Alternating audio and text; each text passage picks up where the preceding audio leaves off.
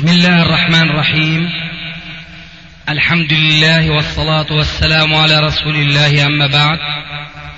فهذا أحد أشرطة سلسلة الهدى والنور من الدروس العلمية والفتاوى الشرعية لشيخنا المحدث العلامة محمد ناصر الدين الألباني حفظه الله ونفع به الجميع.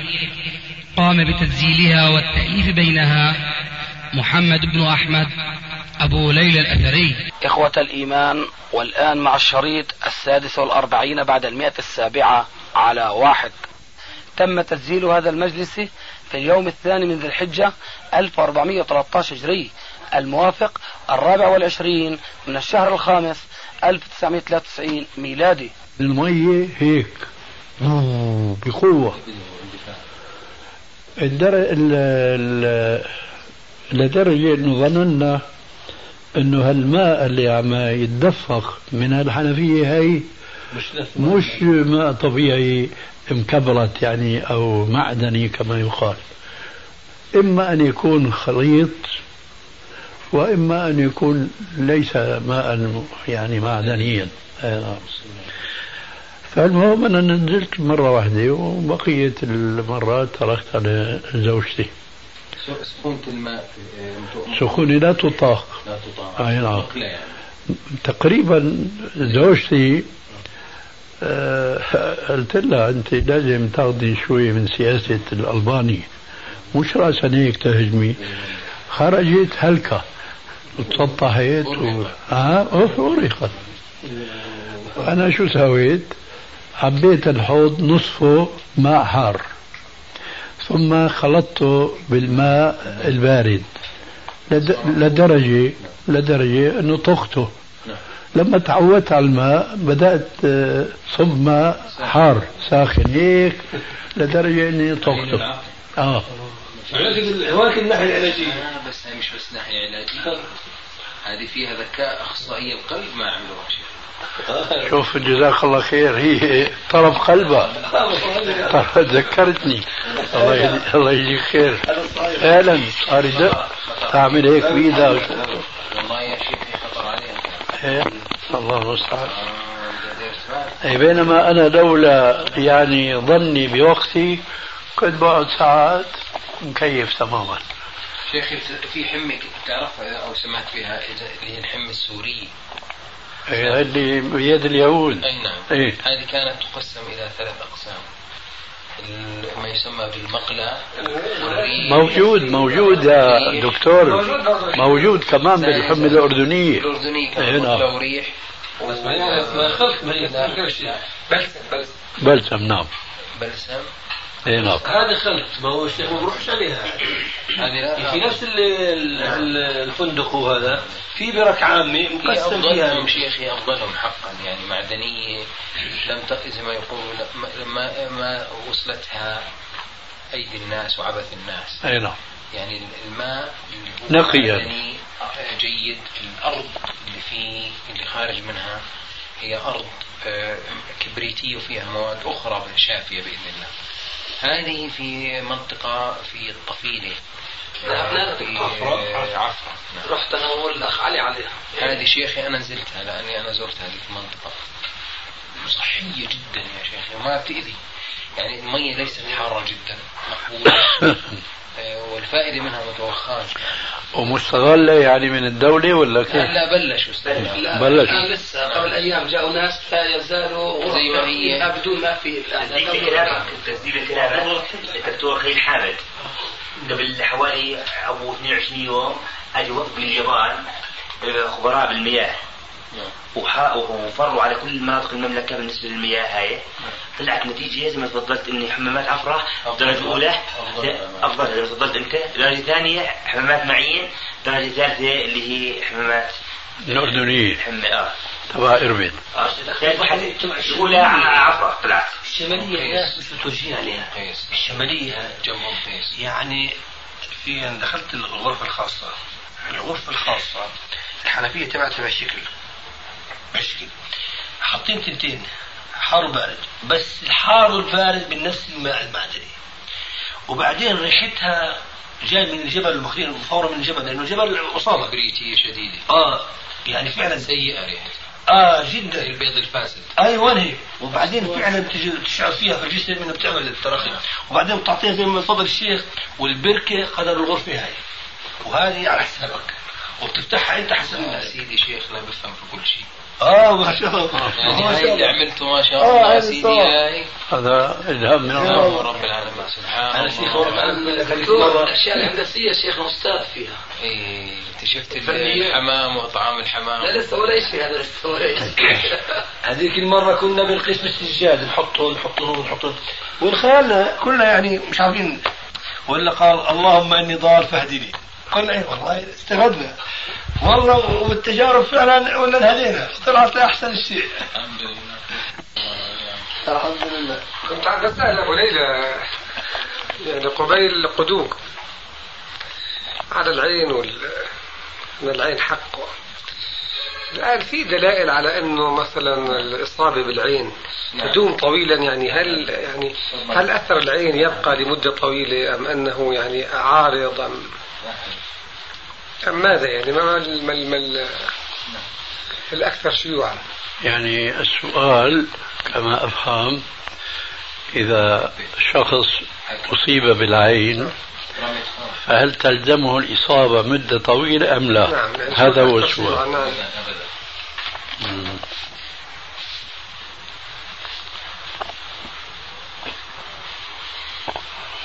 والله ما ما في ذهني جواب لمثل هذا السؤال.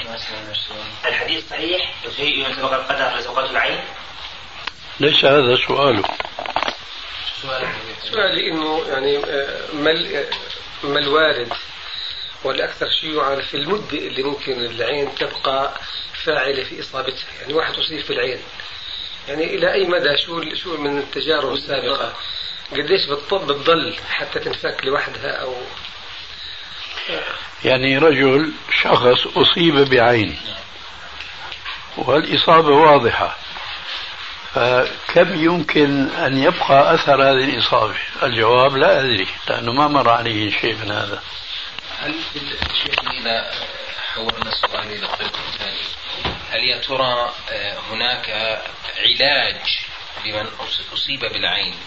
يعني بمعنى آخر أنه يقرأ عليه شيء فيخفف عليه. إيه هذا موجود في السنة. فبالتالي تأثيرها ما بنعرفه بس ال- العلاج موجود شيخي إيه موجود لكن يشترط معرفة العائن. نعم يا سيدي كلام صحيح. نعم. هذا اللي ما حضرني إنه شافوا من هو العائن وبالتالي هنا يا سيدي؟ العائن يؤخذ ويتوضأ من المصاب بالعين آه، من الصائب بالعين وتمسح أطراف ثياب المعان المصاب بالعين. أقول آه، يكلف العائن بأن يتوضأ. العين الذي أصاب بالعين. أي نعم. يكلف ثم. هذا الماء لا يكب وإنما يحفظ. نعم. أي الوضوء. الماء الذي توضأ به العائن المصيب بالعين هذا الماء لا يراق يحتفظ في وعاء ثم يؤخذ ويمسح به آه، بطانة الثوب اللي لابسه المصاب بالعين. بطانته من الداخل أي نعم. وهذا وقع في عهد الرسول عليه السلام. مع مع أذكار معينة أو رقيه معينه لا. ولا فقط؟ الأذكار تنفع قبل الإصابة. أما نعم. النص هذا اللي تفضلت في موطأ مالك موطأ. أي نعم.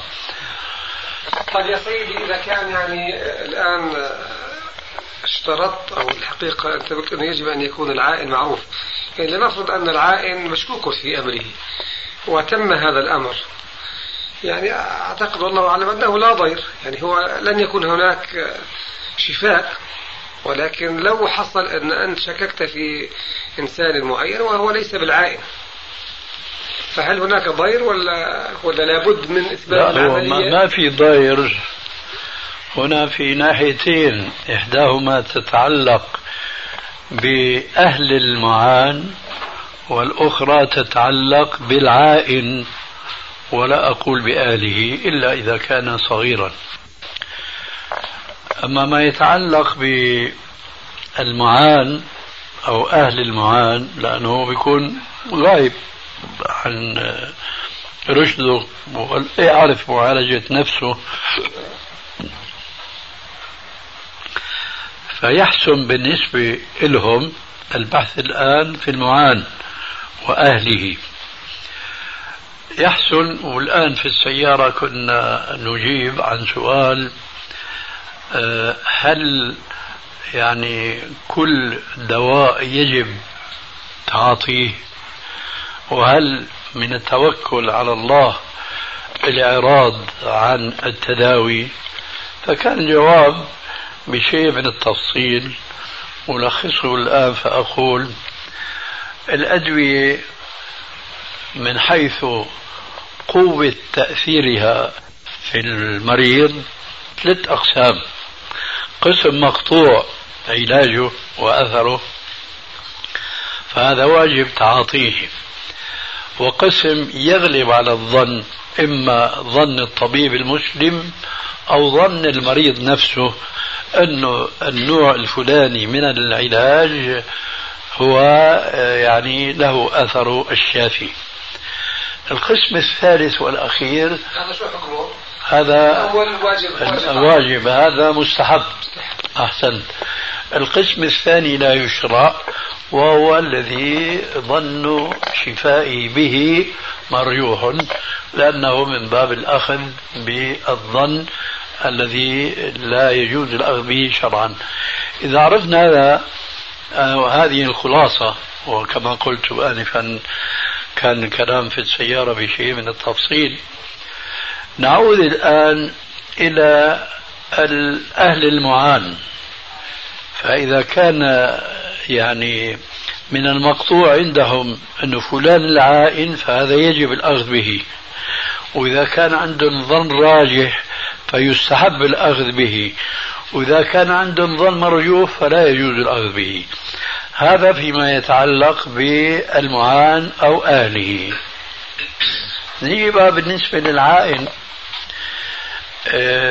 بالنسبة لسؤالك هذه مش مشكلة تتعلق بالعائن. قد يكون أهل المعان في المرتبة الأولى يقطعون بأنه هذا هو العائن لكن هو راح يترفع راح يقول أنا أعوذ بالله أنا كذا ما راح يخضع للحكم الشرعي. فلذلك المسألة آه، ما بنقدر نحن نقول إنه يجب ولا يستحب ولا يكره لأن هذا أمر يتعلق برجل متدين. فإذا كان متدينا وكان أهل المعان يقطعون فيجب عليه هو أن يخضع لهذا العلاج الشرعي. وإن كان الظن راجحا فيستحب في حقه وإلا فلا يجوز له أن يخضع لمثل هذا الظن المرجوح. هل يجزئ سيدي بعض ماء الوضوء ولا كل ماء الوضوء؟ يعني كل الأطراف الظاهر أنه نفس الماء نفس ماء اللي تساقط من بدنه. آه بس يعني إذا كان جزء منه لا يعني لا يكفي. لا يكفي. نعم. شيخي تمام بالنسبة للعلاج. فضيلة شيخي إذا استوصلتم فاغتسلوا. إي نعم. ذكرتم هذا في صحيح الجامع. هذا صحيح أيضا فهنا الغسل يؤخذ فيه من أجل الثوب أم أيه. من أجل الاغتسال كذلك؟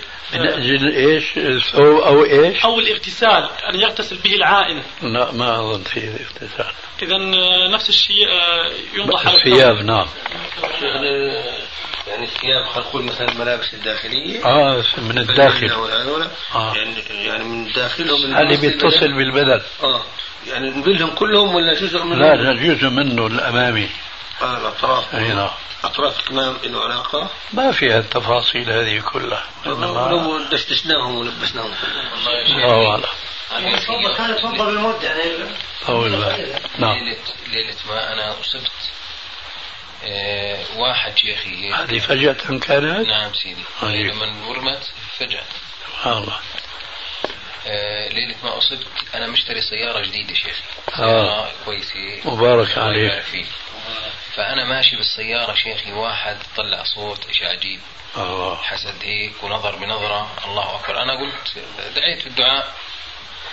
لكن سبحان الله وصلت البيت شيخي الجير كله فك شو الحكي إي والله الله. جديدة السيارة فولفو يعني مش سيارة الله. وجديدة. جديدة ابدا برقتها والله هذه هذا هذا كل- الجير بالمرة شيخي قصة تحكى هذه ثاني يوم الصبح شيخي صابتني جلطة برجلي مضبوط ظهرت يعني هذا هذا لكن هذا بضم والله. أنا كمثال جديد لمثال حدثني به أخ لي شقيق لا يزال في قيد الحياة اسمه فخري. بيقول في أيام شبابه كان له صديق هذا طبعا في ألبانيا. صديقه كأنه صياد بالعين شيء شيء رهيب جدا. لكن الظاهر يعني كيف مثلا في صياد هواه أن يصطاد نوع من الطيور أو نوع من الوحوش. هذا والحمد لله شره في عينه محصور في اصطياد العنب. لكن شيء شيء الآن هذا ذكرني. كان يقول له صاحبه خلينا نخرج يا فلان نصطاد العنب في عز إيش؟ قطافه. عندنا في ألبانيا كانت ال- الدور دور إسلامية عربية يعني مش دور فرنجية كما بنينا الآن. كل دار لابد ما يكون في فسحة داخلية. ولا يمكن أن يكون في نافذة تطل على الطريق. ترى المرأة منها الرايح والجاي أبدا. محصور البيت لكن مقابل الحصر أمام السكن في فسحة في أشجار في عنب في تين وإلى آخره. فالعرائش هذه كانت أحيانا أغصانها تتدلى على السور العالي على الشارع. فيقول هذا صاحبه لأخي هيا بنا نصطاد العنب. يمر يشوف عنب ناضج ومستوي وفحل إلى آخره. الله أكبر. مجرد ما يوجه بصره كأنه قطعه بالسكين. شيء لا يصدق. لكن الآن هي حكيت أنت. شيخي والله الله والله أكبر شيخي بس حطيت أنا دعيت الدعاء لدرء العين وتخفيف الضرر. ما وصلت ال- البيت بس مسكت الجير شيخي الأوتوماتيك.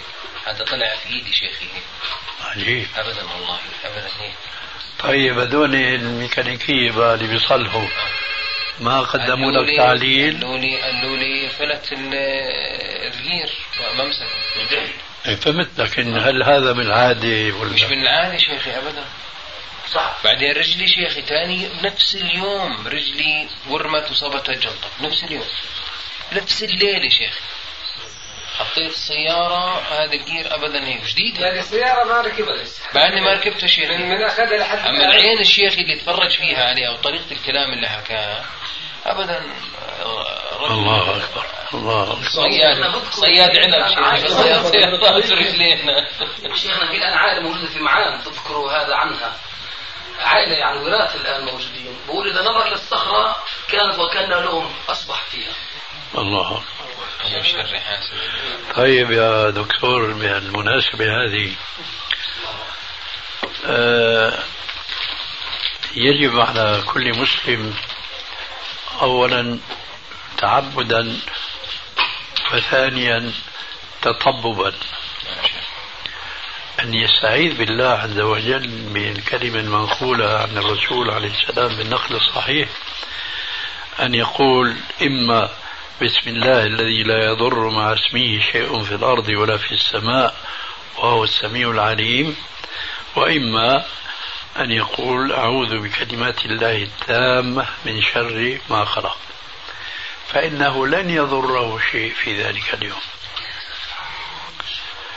هذا الحديث يرويه الإمام أحمد في مسنده وأصحاب السنن في سننهم من طريق أبان ابن عثمان ابن عفان.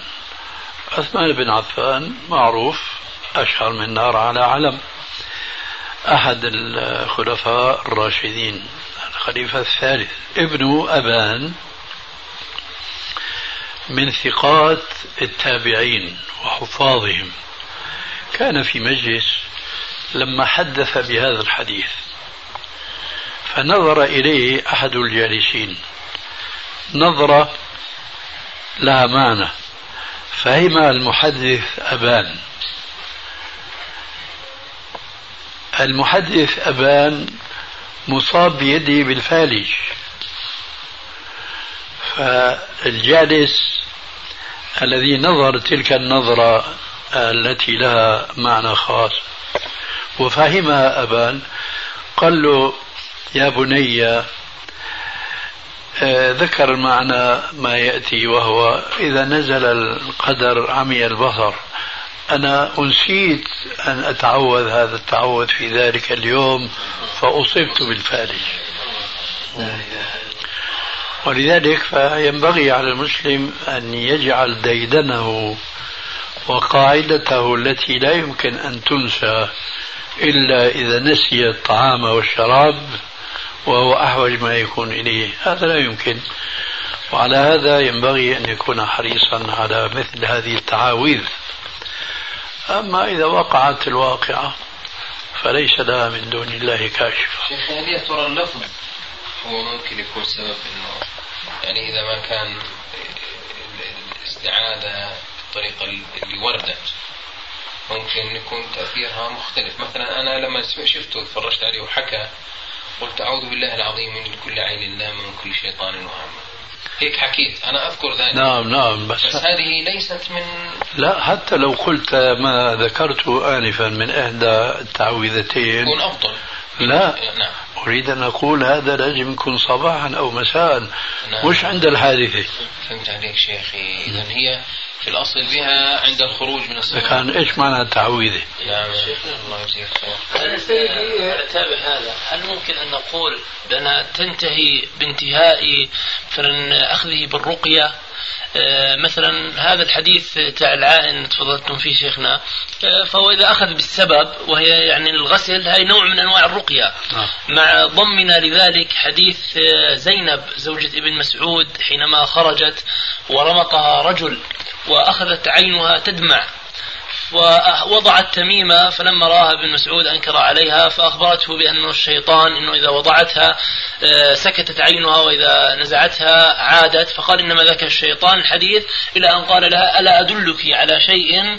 لو فعلتيه يعني لشافاك الله. فقولي آه، اللهم رب الناس أذهب الباس اشفي أنت الشافي. هي الرقية. أي نعم. هي الرقية بعد الإصابة. بعد الإصابة. إيه لكن نحن نحكي عن التعويذة قبل الإصابة. أي نعم. إيه نعم. أقصد أنه تابع للأول وهو أنه نقول إذا أخذ بالرق- بالرقية تنتهي مفعول العين. نعم كمان هذا غير سؤال أبو أبو يحيى. هذا صحيح نعم لا إشكال فيه.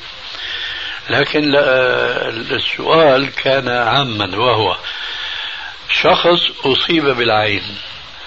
فهل الإصابة هذه إذا لم يتخذ بأسباب العلاج الشرعي؟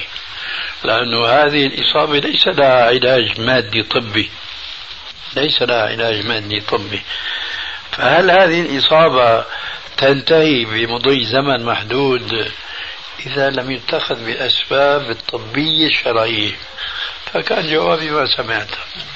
أما هذا الذي ذكرته فأمر واضح جدا أنا واظب الحمد لله صباح مساء على هذا الدعاء لكن كثير من المرات يعني مش أول ما بصحى حقيقة بعد ما أذكر مثلا وأنا أوصل الفجر فحتى يعني من باب ال- الحب الإنساني فأنا أدعي به أدعو به في السجود فهل هذا جائز؟ كيف سويت؟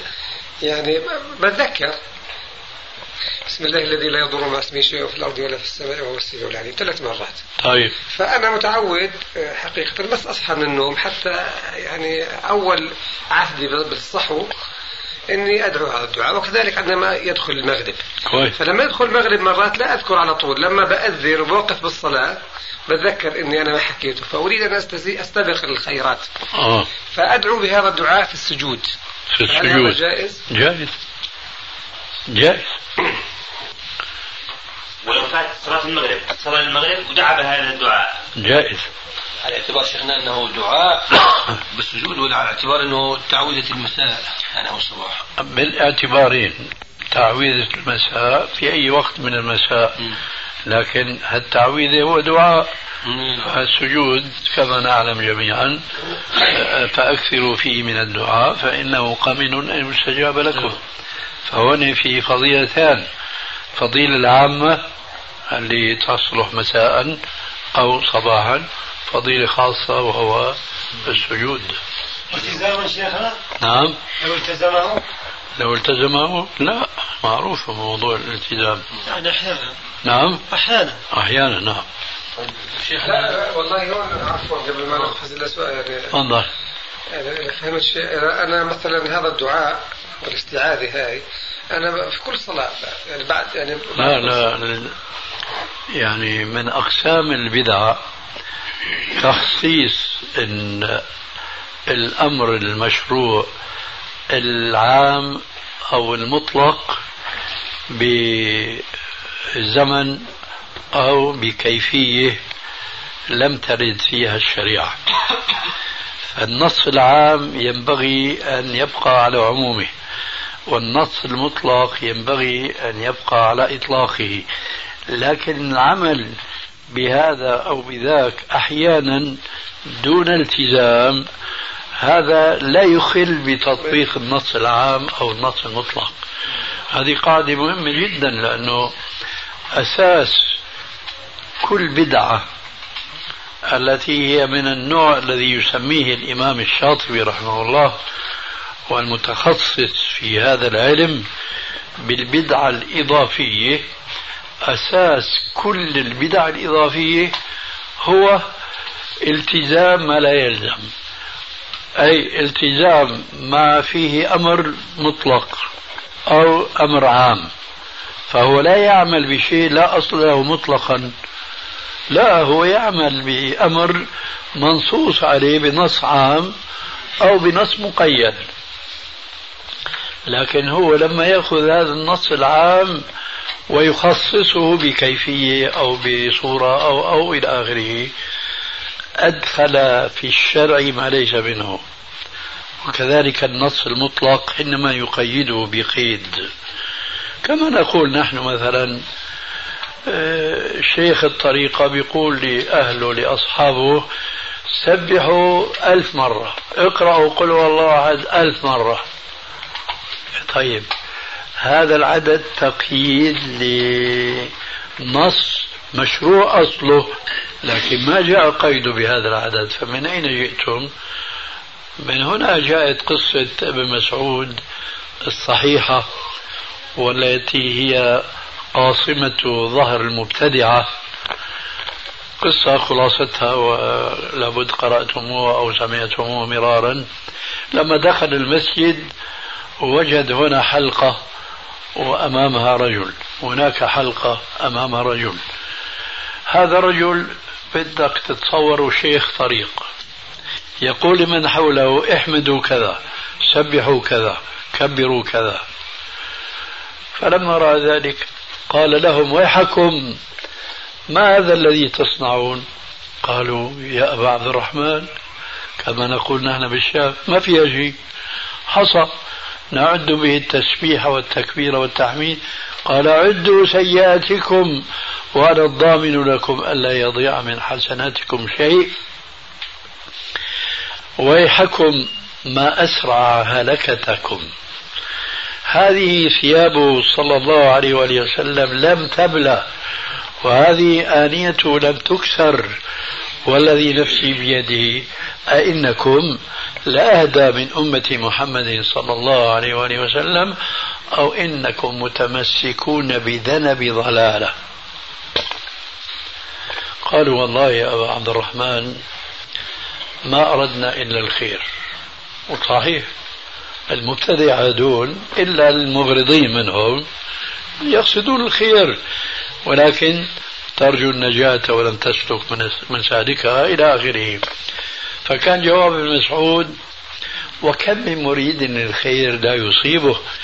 إن محمدا صلى الله عليه وآله وسلم حدثنا إن أقواما يقرؤون القرآن لا يجاوز حناجرهم لا يصل إلى قلوبهم يمرقون من الدين كما يمرق السهم.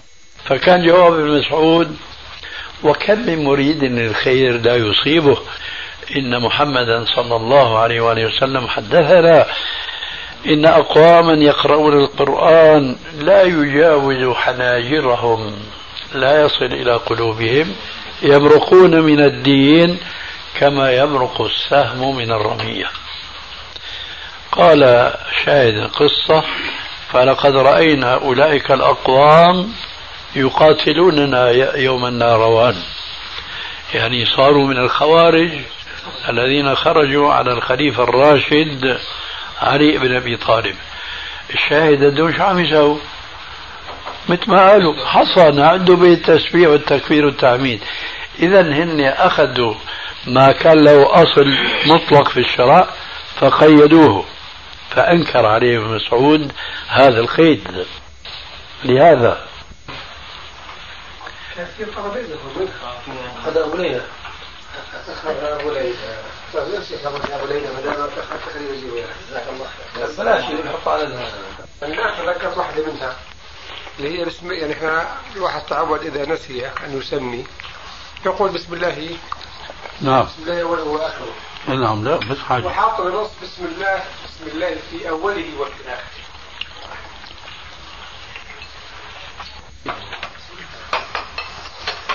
أنا ما انتبهت للفرق بين النصين فأرجو الإعادة. النص القديم الذي نستعمله دائما وأظن أنه جاء ثلاثة بسم الله أوله وآخره. نص الموجود في كتاب عن الحلبي. بسم الله بسم الله في أوله وفي آخره. أيوة. يعني بسم الله أوله وآخره أو بسم الله في أوله, أوله. وآخره. صح هذا الشيخ الأولاني حتى. بسم الله أوله. نعم. أوله. المقصود أنا فعلا اللي بحفظه هو هذا أوله. أما في أوله ما أذكره لكن لا أستطيع أن أنفيه إلا بعد دراسة فاحصة وليس هكذا فقط بل وبعد دراسة خاصة. يعني ما الفرق؟ مثل الباحث الحقيقة كمثل الطبيب.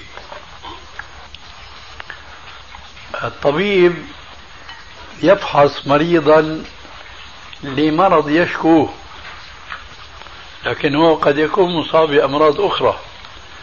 فهو بطبيعة الحال لا ينتبه لها إلا إذا وجه إليها إما بطلب من المريض على اعتبار أنه إنسان مكلف أو بحرص شديد منه لفحص هذا المريض. كذلك العلم في نقد الحديث تماما. فأنا مثلا همي الأول هو أن أعرف أن هذا الحديث صحيح ولا لا. حتى ما نقع في مشكلة القول على رسول الله صلى الله عليه وآله وسلم ما لم يقل. لكن يا ترى هل هو أوله وآخره أم في أوله ولا في آخره؟ هذه بدها كما قلت آه، آه، دراسة فاحصة وخاصة. أي خاصة من أجل هذه النقطة بالذات. وذلك لأن الروايات كثيرا ما تختلف. تختلف في ألفاظها. وحينئذ يحتاج الأمر إلى دراسة خاصة. نشوف أنه أصح هي ولا هي وبعدين إذا طلع معنا في النتيجة هي أصح من هي لكن هذه الثانية صحيحة أيضا. معناها لا لا لا أقصد في روايتها رواية إيه لكن هنا أردت أن أقول تفصيلا وهو قد يكون هذا الصحيح الثاني النتيجة بيطلع غير صحيح ويسمى في لغة المحدثين بالحديث الشاذ. مثلا إذا قصة أو حديثا ما آه، مقطوع بأنه لم يتكرر وكان عندنا روايتان واحدة أصح من الأخرى والأخرى صحيحة بتصير الصحيحة ضعيفة. لأنه هذيك أرجح من هذه. أما إذا كانت قصة أو الدعاء تكرر من الرسول فممكن مرة يقول هيك مرة يكون يقول هيك. حينئذ بنقول هذا أصح وهذا صحيح وكلاهما جائز. من أجل هذا نقول تحتاج إلى دراسة آه، فاحصة وخاصة. فاحصة نعرف أن الرواية الثانية في أوله وآخره صحيحة أم لا؟ فإذا كانت ضعيفة خلصنا منها. وإذا كانت صحيحة بدنا نشوف هل هي من قبيل النوع الأول اللي ما تكرر ولا من قبيل النوع الثاني الذي تكرر أذكر مثالا كيف يمكن معرفة تكرر أو لم يتكرر.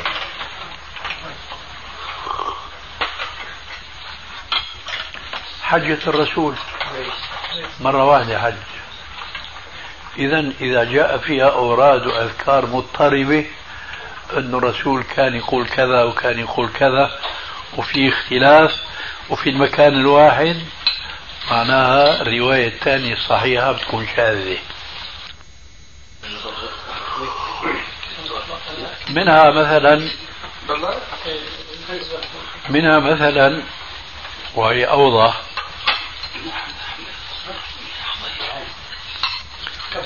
كسوف الشمس. صلاة كسوف الشمس. كسفت الشمس في عهد الرسول عليه السلام مرة واحدة. وصلى مرة واحدة. لكن من عجائب ما وقع أنه اختلف الرواة وبالأسانيد الصحيحة. مش الضعيفة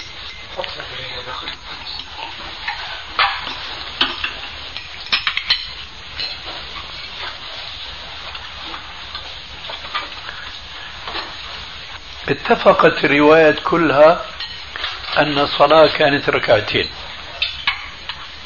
كصلاة الفجر. لكن بعضها قالت كصلاة الفجر. ما بدها تبقى تفصيل معروف صلاة الفجر. بعضها قالت لكن في كل ركعة ركوعان. بعضها قالت في كل ركعة ثلاث ركوعات. بعضها أربعة بعضها خمسة. وهي صلاة واحدة. هنا بقى الباحث بينصب بحثه بصورة خاصة أنه يعرف هل صحيح ركوع واحد كصلاة الفجر ولا ركوعين ولا ثلاثة ولا أربعة ولا خمسة. حينئذ إذا تعرى عن العصبية المذهبية حنفي بيقول مثل صلاة الفجر شافعي بيقول لا ركوعين. محدث لا يفحص هذا صحيح هذا أصح. بيقول خمس ركعات أكثر ما ورد وزيادة الثقة مقبولة. هذه ما بيتعصب لا لهؤلاء ولا لهؤلاء ولا لهؤلاء. بيطلع معه إنه كل الروايات شاذة إلا التي تقول في كل ركعة ركوعا. هذا مثال أوضح من مثال الأوراد في الحج لأن الحج ما تكرر إلا مرة واحدة. لكن هذه قضية مجسمة واضحة جدا. كيف يقع هذا الخلاف؟ وقع. إما وهما من الراوي الأول مين الراوي الأول؟ الصحابي. وإما من تحت ممن دونه من التابع أو تابع التابع وهكذا دواليك وهذا النوع من دقائق علوم الحديث التي يجهلها خاصة العلماء فضلا عن عامة العلماء فضلا عن عامة الأمة. مثلا الرسول تزوج ميمونة. ميمونة إحدى زوجات الرسول. طبعا زوجها مرة واحدة. روايتان. رواية بتقول تزوجها وهو حلال ورواية بتقول تزوجها وهو محرم.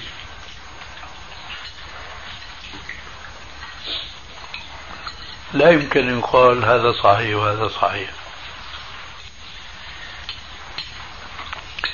مع هذا البحث الفاحص الدقيق ومع كون رواية تزوجها ومحرم في الصحيحين الرواية مرجوحة وهي في الصحيحين. والرواية التي خارج الصحيحين هي الراجحة. لما؟ لأنه إسنادها صحيح وهذيك إسنادها صحيح. لكن إسناد هذه تعود إلى صاحبة العلاقة نفسها وهي ميمونة تقول عن نفسها تزوجني رسول الله ونحن حلال.